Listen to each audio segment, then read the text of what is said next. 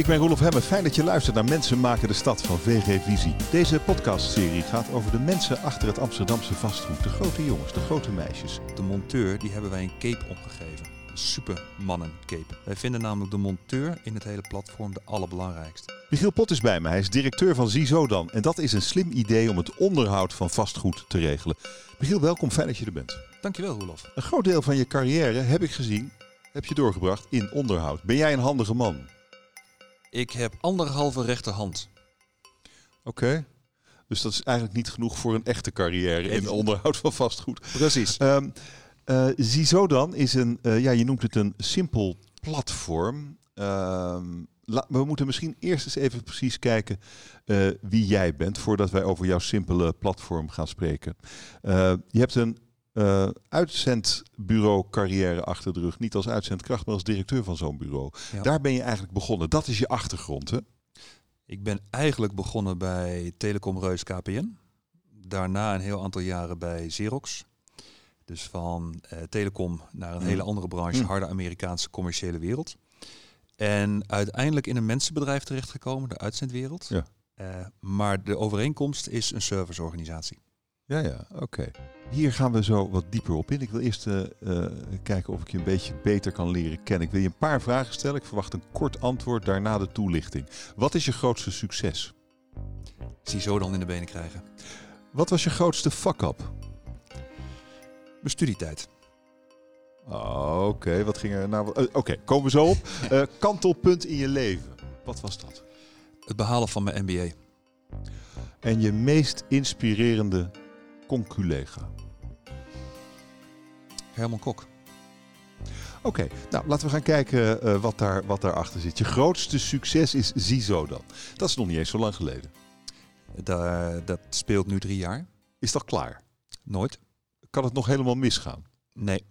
Dit is daarom om die reden jouw grootste succes. Ja. En is dit dan wat je altijd al wilde? Is dit waar je je hele leven naartoe gewerkt hebt? Niet per se de inhoud, maar wel het creëren van iets.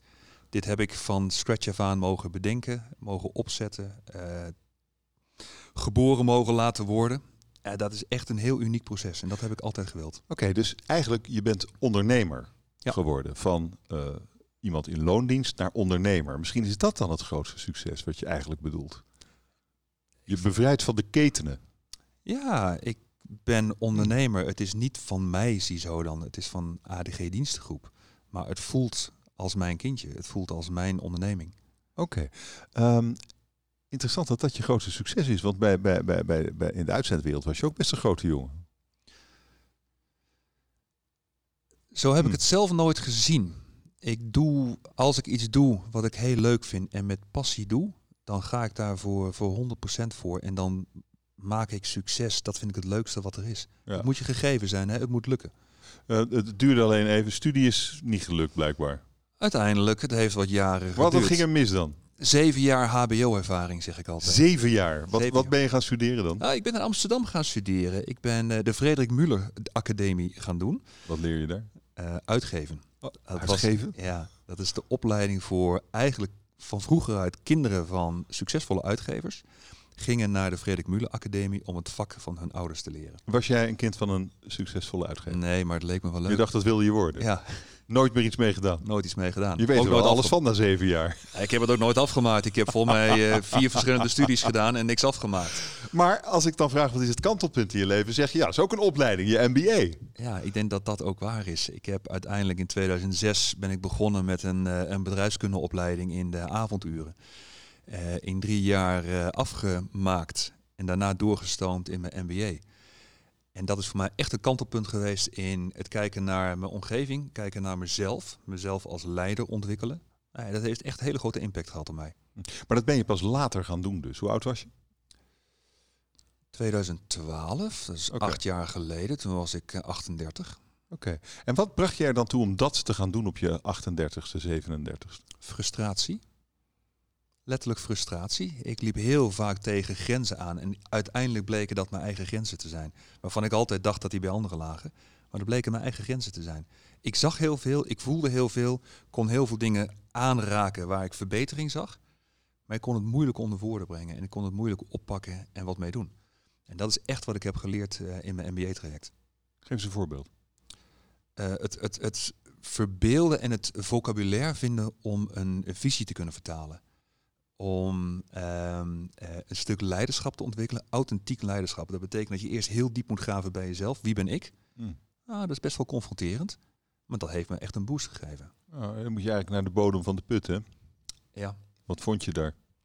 Uh, ik. Dat is, dat is heel raar, maar dan blijf je alleen zelf over. In de donkere omgeving van een lege put ben je alleen met jezelf.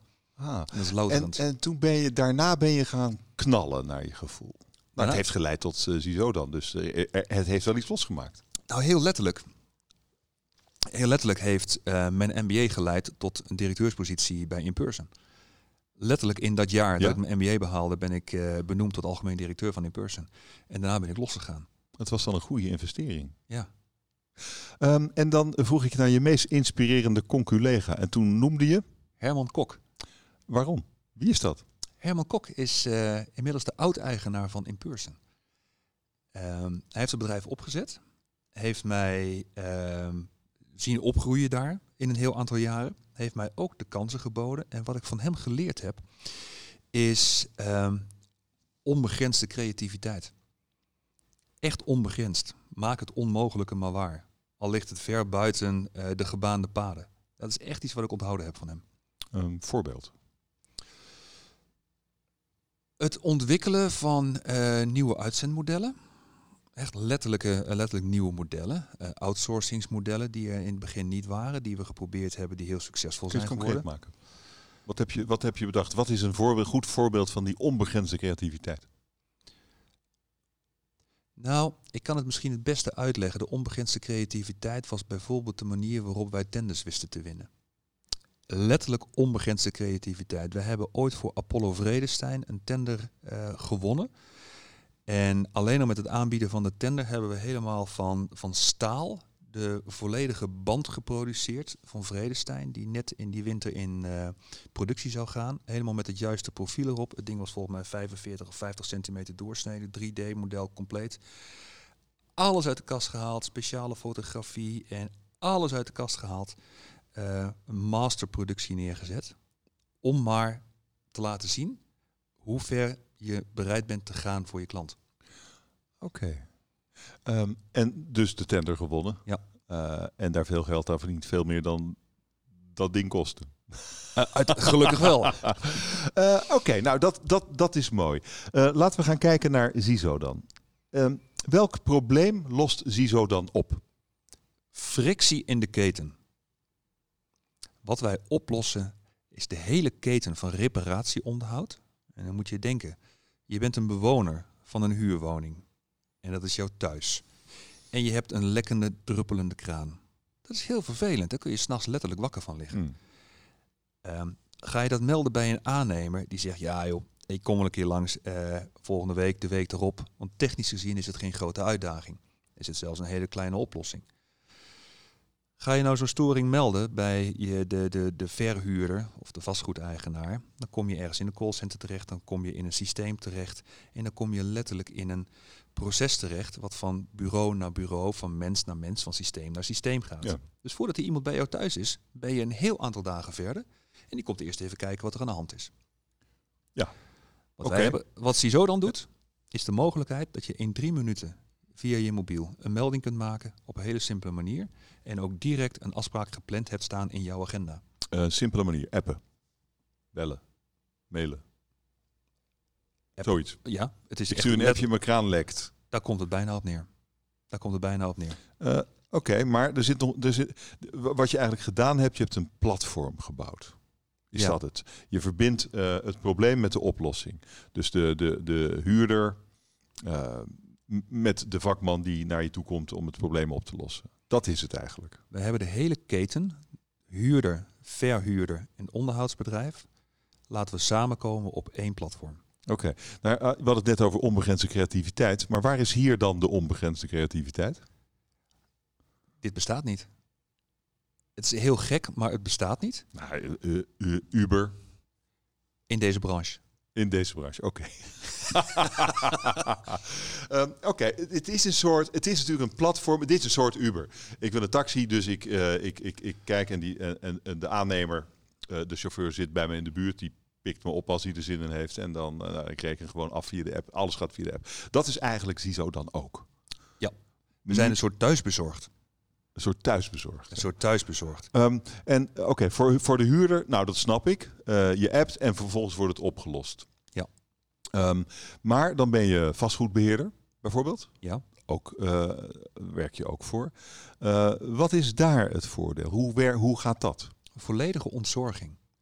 Het klantcontact voor een vastgoedbeheerder is een intensieve taak. Het callcenter bedienen, de vastlegging van de melding, het aansturen van het onderhoudsbedrijf. Dat is een complexe taak. Er zit veel handwerk in, veel mensenwerk. We hebben dat volledig geautomatiseerd. Doordat een bewoner in drie minuten zijn melding kan maken, fotootjes kan toevoegen en direct eigenlijk een planning kan maken, um, heeft de vastgoedbeheerder daar geen actieve rol meer in. Hij kijkt gewoon in zijn dashboard en ziet exact wat er gebeurt. Dus hij is ontzorgd. Hij kijkt alleen nog maar hoe goed er voor zijn vastgoed gezorgd wordt. Oké. Okay. Uh, nou, en het wordt natuurlijk allemaal keurig opgeschreven. Wordt allemaal vastgelegd. Um, uh, waarbij de. Um, waar, en, en, wie zijn dan de mensen die de problemen oplossen? Want dat zijn natuurlijk, dat, die, die zijn eigenlijk misschien wel de belangrijkste partijen in het geheel. Hoe, hoe is dat? Het is heel mooi dat je het zo uitdrukt. In uh, wat wij noemen onze praatplaat, dat is zeg maar waarin we onze wereld getekend hebben dan zien wij dat de monteur, die hebben wij een cape omgegeven. Een supermannen cape. Wij vinden namelijk de monteur in het hele platform de allerbelangrijkste. Want die monteur, die komt bij de bewoner thuis. En hij moet zomaar een probleem oplossen. Hij moet een heleboel dingen kunnen. Hij moet een gereedschapskoffer hebben. Niet alleen maar met een schroevendraaier, een hamer en een tang. Maar ook met uh, sociale vaardigheid, hospitality. Hij komt in een voor hem onbekende uh, omgeving. En hij moet een probleem oplossen. Dus die monteur moet heel goed voorbereid zijn op de klus die hij moet doen. Hij moet heel goed weten wat hij daar moet doen, welk materiaal hij nodig heeft, uh, wie die aantreft. Dat maakt zijn werk makkelijker. Ja, maar dat, dat is nu ook. Als je niet uh, met, uh, met CISO dan werkt, dan moet je gewoon s'morgens wel zorgen dat je de goede kraan in je bus hebt. En dat je niet een helder ruitje in, in de wc wil zetten, maar een matglas ruitje. Dat soort dingen. Dat, dat, is, dat is wat zo iemand doet, toch? En hij, als hij aanbelt, moet hij ook niet al te lomp zijn. Nee, dat die, begrijp ik allemaal wel. Ja, logica, Jij maakt hier een groot ding van. Waarom? Wat is dat? Omdat de logica zoals je hem uitlegt klopt helemaal. Ja. De werkelijkheid is weer barstiger. Namelijk? Dat het niet zo gaat. Het, het, heel grappig hoe de wereld van vastgoedonderhoud wordt bezien. Um, de juiste communicatie in die keten krijgen en de juiste informatie in de keten krijgen is gewoon ongelooflijk ingewikkeld. En dat komt met name omdat er zoveel overdrachtsmomenten zijn. Ja, Op het moment dat wij in de app de bewoner een foto laten maken van de situatie, die de monteur ook ziet. Een foto zegt in dit geval meer dan duizend woorden.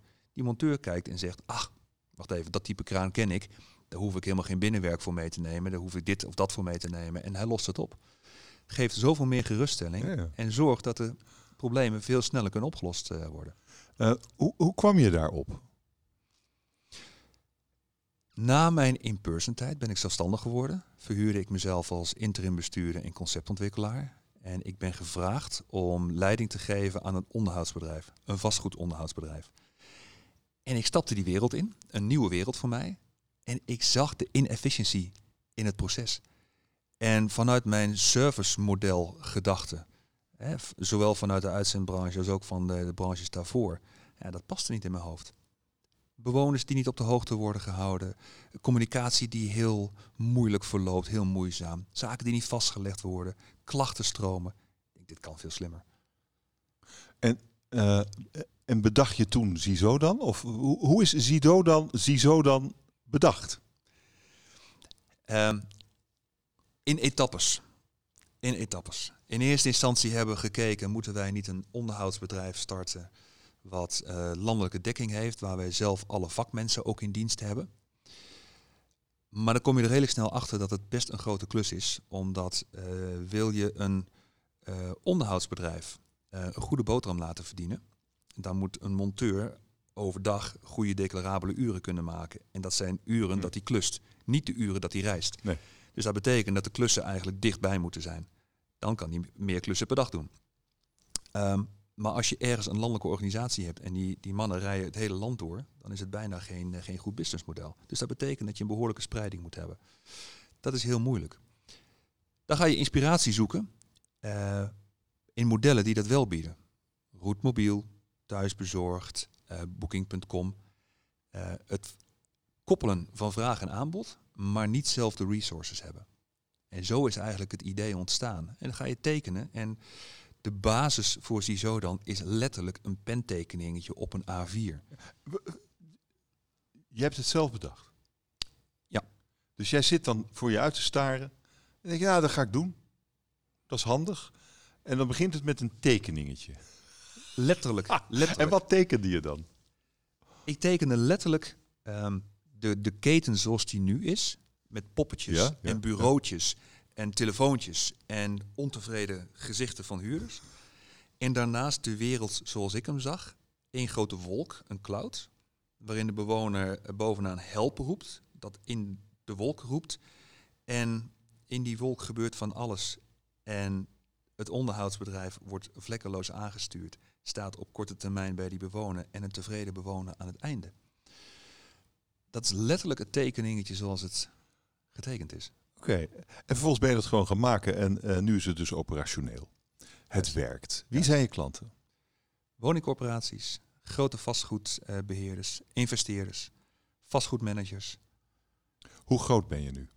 Wij, hoe wil je dat meten? Wij meten het in aantal woningen die wij in beheer hebben. Uh, en hoeveel zijn dat er dan? Dat zijn er nu rond de 25.000. Uh, dat is misschien niet veel. Nou, het zijn, Volgens, er, zijn er heel veel als je ze allemaal moet onderhouden. Uh, maar er zijn veel meer woningen. Er zijn in Nederland 7,5 miljoen woningen. Ja. Waarvan 2,5 miljoen in het beheer van woningcorporaties. Ja, dus er is nog wel wat te winnen. Er is een, uh, een wereld te winnen. Ja. Wat is je ambitie dan? 500.000 woningen in beheer. Oké. Okay. Dat is. En uh, wanneer wil je daar zijn? Over drie jaar. Oké. Okay. Dit is die MBA natuurlijk. het, het, kan, het is platform, denk ik. Ja, ja. Uh, Oké, maar hoe lang heeft het geduurd om die eerste 25 bij, 25.000 bij elkaar te krijgen? Uh, jaar. Maar daar zit natuurlijk een ontwikkeling in van het businessmodel, ja. van het bouwen van het platform, het IT-platform ontwikkelen, uh, het marketingmodel, de naam, het bedrijf. Daar zit veel tijd in. Oké, okay, dus de komende drie jaar moeten er nog 475.000 bij komen. En hoe ben je van plan dat te gaan doen? Het is een markt die heel erg goed naar elkaar kijkt, die elkaar heel goed in de gaten houdt. En wij moeten heel veel schaapjes hebben die over de dam gaan. Uh, dus wij moeten het altijd heel goed doen. Wij moeten echt bewijslast leveren. Dat is heel erg belangrijk voor ons. Dat zijn we nu aan het doen.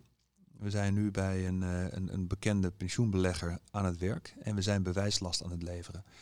En wat er nu gebeurt, Twee weken geleden is het persbericht uitgegaan. En wat er nu gebeurt, wat er op ons afkomt, dat is precies wat we hadden gehoopt dat zou gebeuren. Namelijk?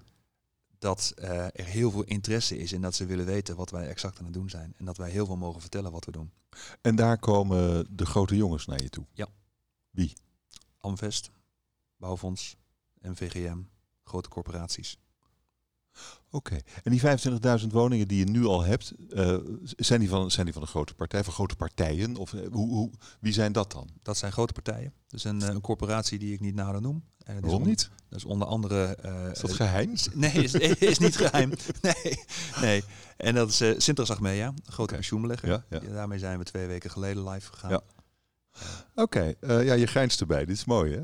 Ja, ja dat is goed. Ik vind het fantastisch. Deze podcast van VG Visie wordt mogelijk gemaakt door DVP en Rechtsstaten. Rechtsstaten verleent hoogwaardige juridische diensten aan partijen die actief zijn op de commerciële vastgoedmarkt. Doelgericht, praktisch, waar voor je geld. Rechtsstaten. DVP helpt bij de ontwikkeling en realisatie van projecten. Hoge kwaliteit, financieel beheerst. Met als doel gewild en rendabel vastgoed. Daadkrachtig, onafhankelijk en integer. DVP laten we zo meteen verder praten. Uh, want ik ben benieuwd naar hoe je dat dan voor je ziet. Die enorme groei die de komende jaren plaats moet vinden. En ik ben ook benieuwd naar wat en wie en hoe zo dan uh, partijen disrupt. Maar eerst een paar andere vragen. Uh, ik zou willen weten, wie is in jouw branche nou iemand tegen wie je opkijkt? Een bedrijf waar je tegen opkijkt om je denkt, dat is echt een topper. Mijn branche is in die zin moeilijk te definiëren. Ik heb natuurlijk goed nagedacht. En ik zou eigenlijk Jitse Groen willen zeggen. Dat is een persoon Takeaway. natuurlijk takeaway. Mhm. We zitten hier natuurlijk in het oosten van het land. Hij komt eh, uit Hij komt hier weg. Hij is hier gestart. Hij heeft zijn hoofdkantoor in Amsterdam staan. Vanmor- vanmorgen groot nieuws over Grubhub. Wat hij eh, Hm. heeft eh, ingelijfd in zijn platform. Unicorn. Jitse, ja, unicorn. Jitse Groen was nog niet zo lang geleden eh, op enig moment een miljard waard. Ja. Is dat, is dat je ambitie? Nee. Oh. Nee, ik heb geen, geen waardeambitie. nee. Eh, Oké, en wat is, maakt dan dat je hem bewondert? Want eh, als het niet groot is, als het niet waarde is, wat is het dan? Nou, het is wel waarde. Waarde vertegenwoordigt natuurlijk de omvang van zijn bedrijf. Eh, ik vind het onwaarschijnlijk knap hoe je met ehm, een stuk servicemodel wat het is, in een markt treedt die er en iets doet wat er eigenlijk niet is. Dat is wat ik net probeerde te zeggen. Zie zo dan doet hetzelfde. Mhm.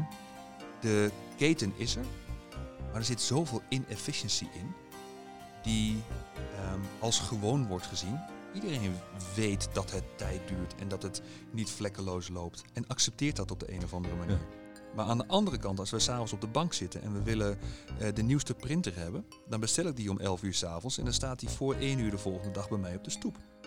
Dat vindt iedereen normaal. Ja, en bij het onderhoud, je hebt natuurlijk gelijk. Ja, bij het onderhoud accepteer je dat de aannemer een kwartiertje voordat hij zou komen zegt: Ik kom morgen.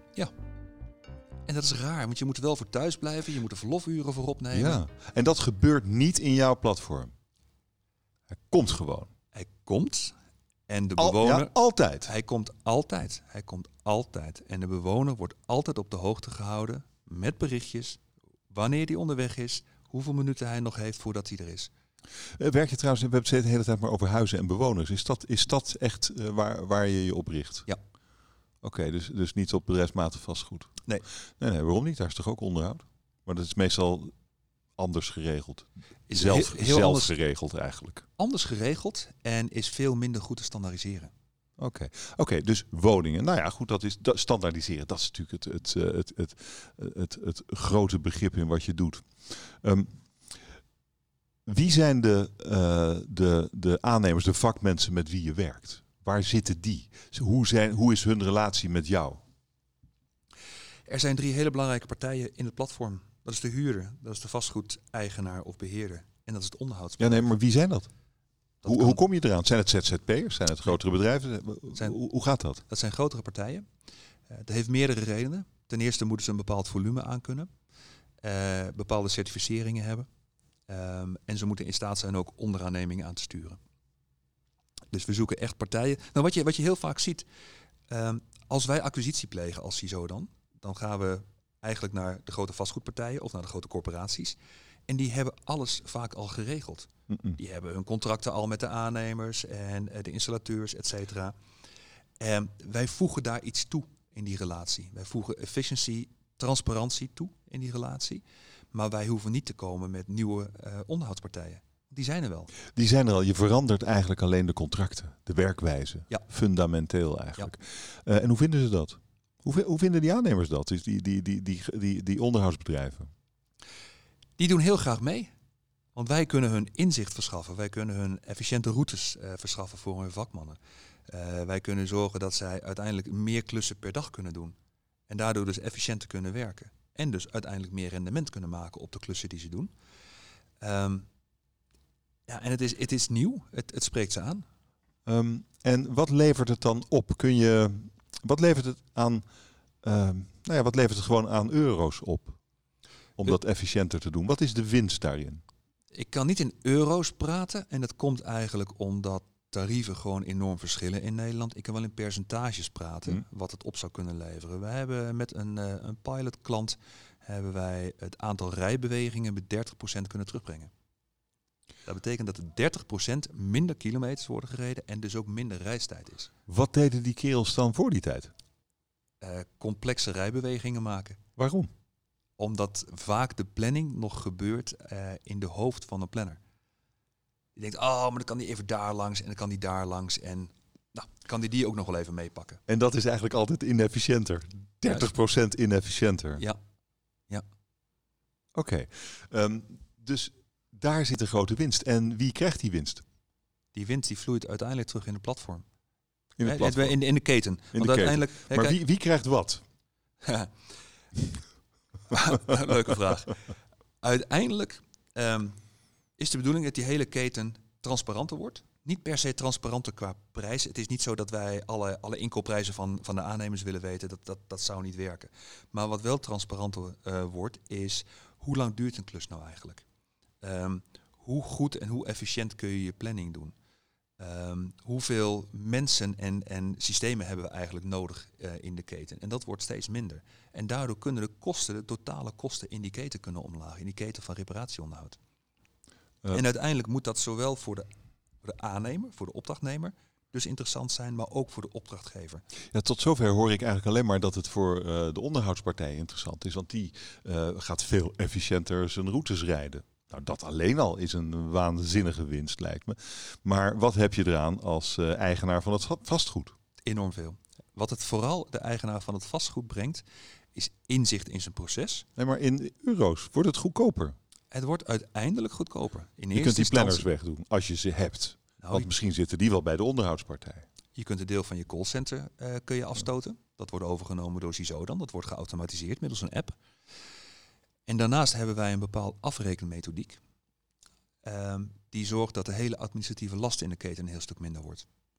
Dus het is een business case berekening voor de opdrachtgever, waardoor het aan zijn kant goedkoper wordt.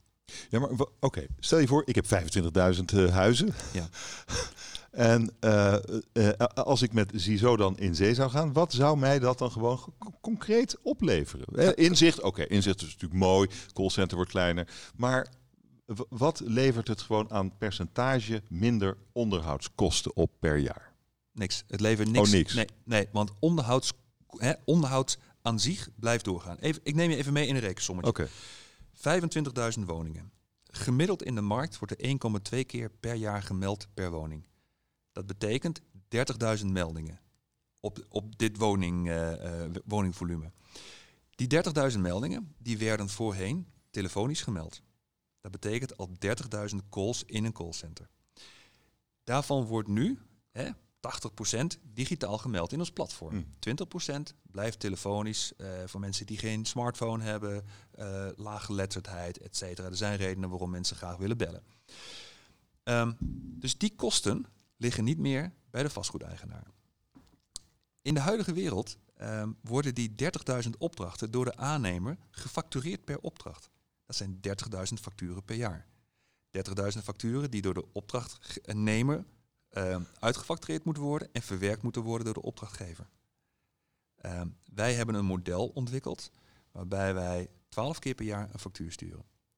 Dus de vastgoedeigenaar gaat terug van 30.000 facturen naar 12 facturen.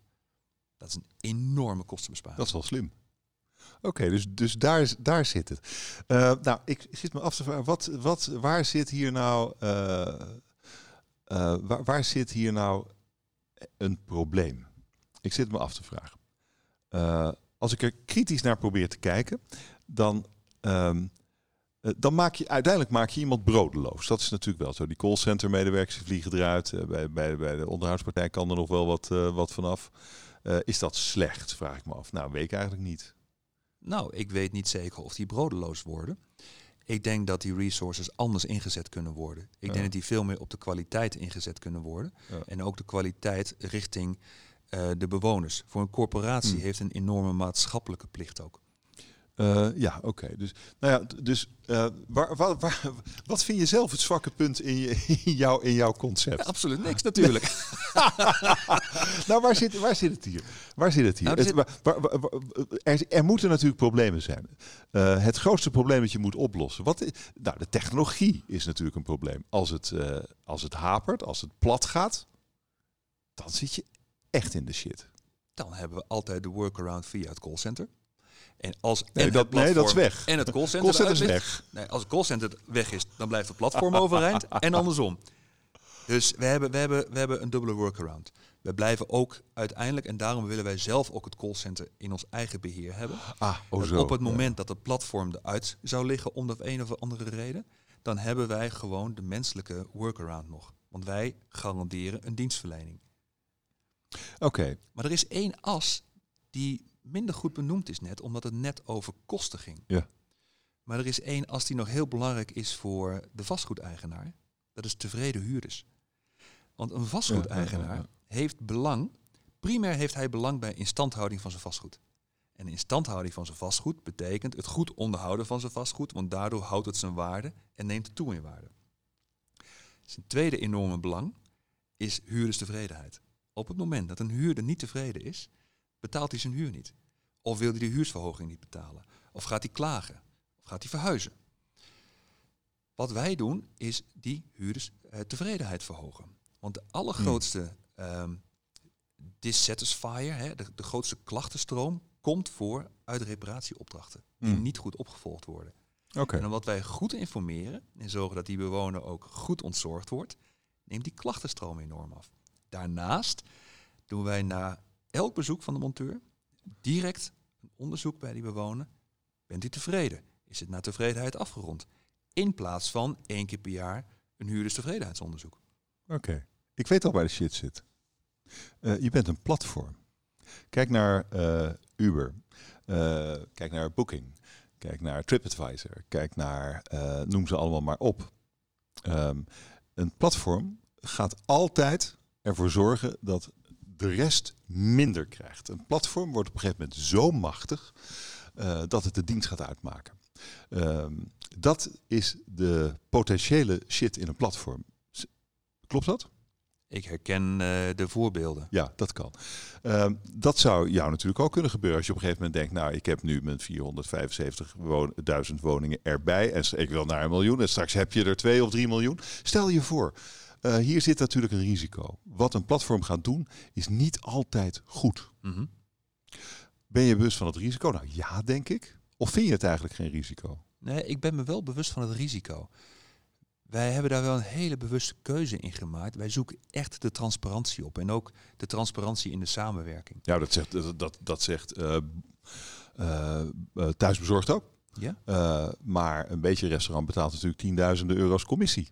Ja. Dus op het moment dat je nog groter gegroeid bent eh, en er wil een, par- een onderhoudspartij meedoen, nou ja, dan ben jij natuurlijk gewoon vrij om te vragen wat je wilt daarvoor. Nou, zo, zo, En, en zo, zou je de, zo, de- zo zou je de markt kunnen disrupten. Dat is, dat is eigenlijk wat ik bedoel. En ik weet niet zeker of het nou altijd goed of slecht is.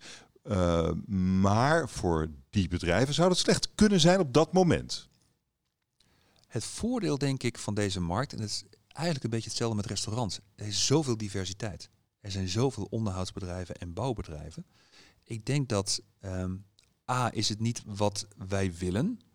En dat ligt Hmm. ook wel in ons moederbedrijf. Waar duurzaamheid en ehm, gewoon een hele oprechte, transparante relatie eigenlijk ja, de kernboodschap is. Ehm, maar ik geloof er ook niet in dat je in een uitbuitmodel zit of in een inkoopmodel. Ik geloof daar niet zo in. Je bent natuurlijk ook geen, eh, je bent niet eh, B2C. Nee, we zijn B2B. Je bent B2B. Eh, En, en, B2B2C. en dat, ja, maar goed, daar zit die extra schakel tussen. En Ja. dat voorkomt dan natuurlijk eh, de, de problemen die een platform zou kunnen veroorzaken. Oké, oké. Ehm, nou, dan, dan weet ik niet waar de shit zit. Eh, ik, kan je wel, ik kan je wel één voorbeeld geven waar shit zit. En dat is niet echt shit. Maar wat onze ervaring nu is, wat maakt het nou moeilijk om zo'n platform geadopteerd te krijgen? Nou ja, ik wilde, ik wilde vragen. Ja, nee, dat is eigenlijk. Het is flauw ook, ook om de shit te zoeken. Maar goed, we, we doen het met een lach. Maar het is de. eh, hoe, hoe kom je straks bij 500.000 woningen? Dat is natuurlijk de interessante vraag. Hoe schaal je op? En daar raakte dat aan wat je, wat je, wat je, wat je zei. Hè? Hoe ga je dat doen? Hoe kom je daar? En wat zijn de problemen die je daar dan verwacht? De problemen zitten met name in de lange lead times. Voordat we echt van een eerste contact naar een livegang, praat je bijna over een jaar. Wat nu de ervaring is, hè, dat kunnen we terugbrengen doordat we natuurlijk steeds slimmer worden in onze inrichting en implementatie. Maar er gaat een heel groot proces aan vooraf. Stel je voor, we hebben een corporatie, die heeft 20.000 woningen. Die heeft een proces ingericht. Want ze doen dit proces nu ook. Reparaties worden dagelijks gemeld en worden dagelijks uitgevoerd. Wat wij meebrengen is een hele concrete vraag hoe je het proces kunt standaardiseren. En dat betekent heel diep je proces in en kijken hoe zaken nu geregeld zijn en hoe je het zeg maar in een standaard moet krijgen. Dat is heel confronterend is gebleken.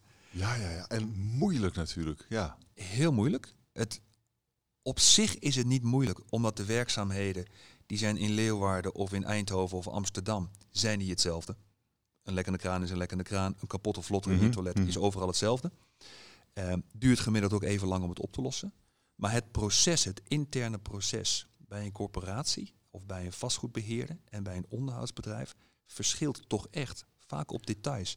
Maar om die boven tafel te krijgen en om die omgebogen te krijgen, waar iedereen in meegaat, ja, dat is wel een, eh, een lang proces. Eh, ja, want het moet passen in jouw standaarden. Ja. En waarom doe je dat dan niet zelf voor de potentiële klant? Dat doen we met de potentiële Hmm. klanten. Maar uiteindelijk zullen zij ook in hun proces iets moeten ombuigen. Oké, en daar, daar gaat het meeste werk in zitten. Daar gaat het meeste werk. Ja, ja, oké. Ja. Ehm, is, het, is het al eh, renderend eigenlijk wat je doet? Nee, Is het dat bij 500.000? absoluut. Wa- wa- waar, waar ligt de grens? ongeveer? 100.000 woningen. Oké, oké. Eh, nou heb je er straks 500.000. Nou ja, dan is het eigenlijk klaar. Dan loopt het. En dan kun je gewoon langzaam blijven groeien, toch? Nee, maar dat dat het idee is. Dat is het idee. Dat zou een idee kunnen zijn, maar Ja. ik zie een heleboel eh, nieuwe mogelijkheden Nou ja, ontstaan aan de Daar wilde ik horizon. naar vragen, want, want ik denk dat je je dan verschrikkelijk gaat zitten vervelen. Ja. Ja, hè? Ja. dus eh, wanneer zou dat moment beginnen en wat, wat ga je dan doen? Ehm, dit soort ontwikkelingen is niet eh, wachten op het moment dat je daar aan toe komt, maar het is continu de handrem aantrekken om focus te houden. Leg dat eens uit. Dat is eigenlijk de mooiste ontdekking die ik heb gedaan. Eh, ontwikkeling als dit, het echt maken van een start-up naar een scale-up, naar een bedrijf, ehm, is continu nieuwe uitdagingen tegenkomen, nieuwe vraagstukken tegenkomen, oplossingen zien, maar niet aankomen. Want je moet eerst dit in de markt hebben staan. Dit moet eerst staan. En we hebben een Hm. eh, bijna ehm, eindeloze lijst met nieuwe ideeën en toevoegingen die we zien. Maar die mogen niet afleiden van eh, dit concept. Ehm, dan zou je je voor kunnen stellen eh, dat wij andere dingen gaan vastleggen in een platform. Dat wij een inventarisatie van de woning gaan doen van een platform. Ja. Er zijn vragen gekomen of wij huurstromen bijvoorbeeld eh, toegankelijk kunnen maken via het platform. Ja, allerlei ideeën over. Maar ga je nu alleen maar met die ideeën bezig, dan krijgt het platform niet de kracht die het moet hebben eerst. Oké. En bij, eh, maar op welk moment, eh, kijk, je- op welk moment ga je dat allemaal wel doen? Je- Dat moet natuurlijk wel voor, voor het moment dat je je gaat vervelen. dus wa- wanneer, wanneer, wanneer kan je dit gaan opbouwen? Wat is de kritische massa die je daarvoor nodig hebt? Ik denk dat die 100.000 woningen dat het een redelijke kritische massa is. Dus wat je er dan in kunt doen, je kunt de, de huuradministratie overnemen dus. Dat zijn ideeën. Ja. Dat zijn ideeën. Wat kan je nog meer doen? Inventarisatie van de woningen. Ja. Wat, wat, wat zijn nog meer de mogelijkheden in, het, in, in- dit soort Je vastgoed? zou je voor kunnen stellen dat wij enorm veel data gaan verzamelen. Data Dat over je nu al ver- natuurlijk, ja. verbruik van materiaal bijvoorbeeld. Eh, het voordeel van woningcorporaties is dat die ook hun materiaal over het algemeen gestandaardiseerd hebben. Ehm, dus daar zou je heel veel mee kunnen doen op adviesniveau. Eh, wellicht op inkoopniveau zou je daar zaken kunnen doen. Ehm, je kunt ook hele andere kanten op gaan denken, in community denken. Een woningcorporatie zit ook heel erg op de community van zijn bewoners. Daar zou je ook diensten op kunnen ontwikkelen. Zoals? Ehm, ehm, deelauto's. Ehm, eh, eh, shared services eh, die aangeboden kunnen worden aan bewoners. Je zou zelfs ver kunnen gaan met schoonmaken of thuiszorgen eventueel kunnen gaan aanbieden. Want wat wij hebben ontwikkeld is een generiek platform waarmee je eh, diensten heel makkelijk gekoppeld kunt krijgen Hm. aan een vraag. Dus je zou er ook hele andere diensten overheen kunnen laten lopen. Oké, als de tijd rijp is, ehm, ga je dat doen. Eh, je zei dat eh Ziezo dan eigenlijk je grootste succes is. Eh, wat wordt dan je volgende grote succes? Of is dit het? Ik ben 46 jaar. Ik eh, zou het vervelend vinden als ik al heel vroeg zou pieken en daarna nooit meer. Ehm, maar ik, ik, ik zou het niet weten. Ik ben eindeloos enthousiast. Ik ben wat dat betreft gewoon een golden retriever. Ik ben altijd blij. Mijn glas is ook nooit half vol, mijn glas is vol. Ik kijk elke dag met een lach tegemoet. Dus wat een volgend succes is, ik zou het niet weten. Het is ook echt wat er op mijn pad komt. Ik hou ervan om dingen aan te pakken en dingen moeten goed en beter dan goed. Dankjewel voor dit gesprek. Dankjewel, Olaf. Erg leuk. Je luisterde naar de podcast Mensen maken de stad over Amsterdam. Een productie van VG Visie, mede mogelijk gemaakt door Rechtsstaten en DVP. Er zijn nog meer afleveringen, ga die vooral even luisteren. Je vindt ze op vgvisie.nl.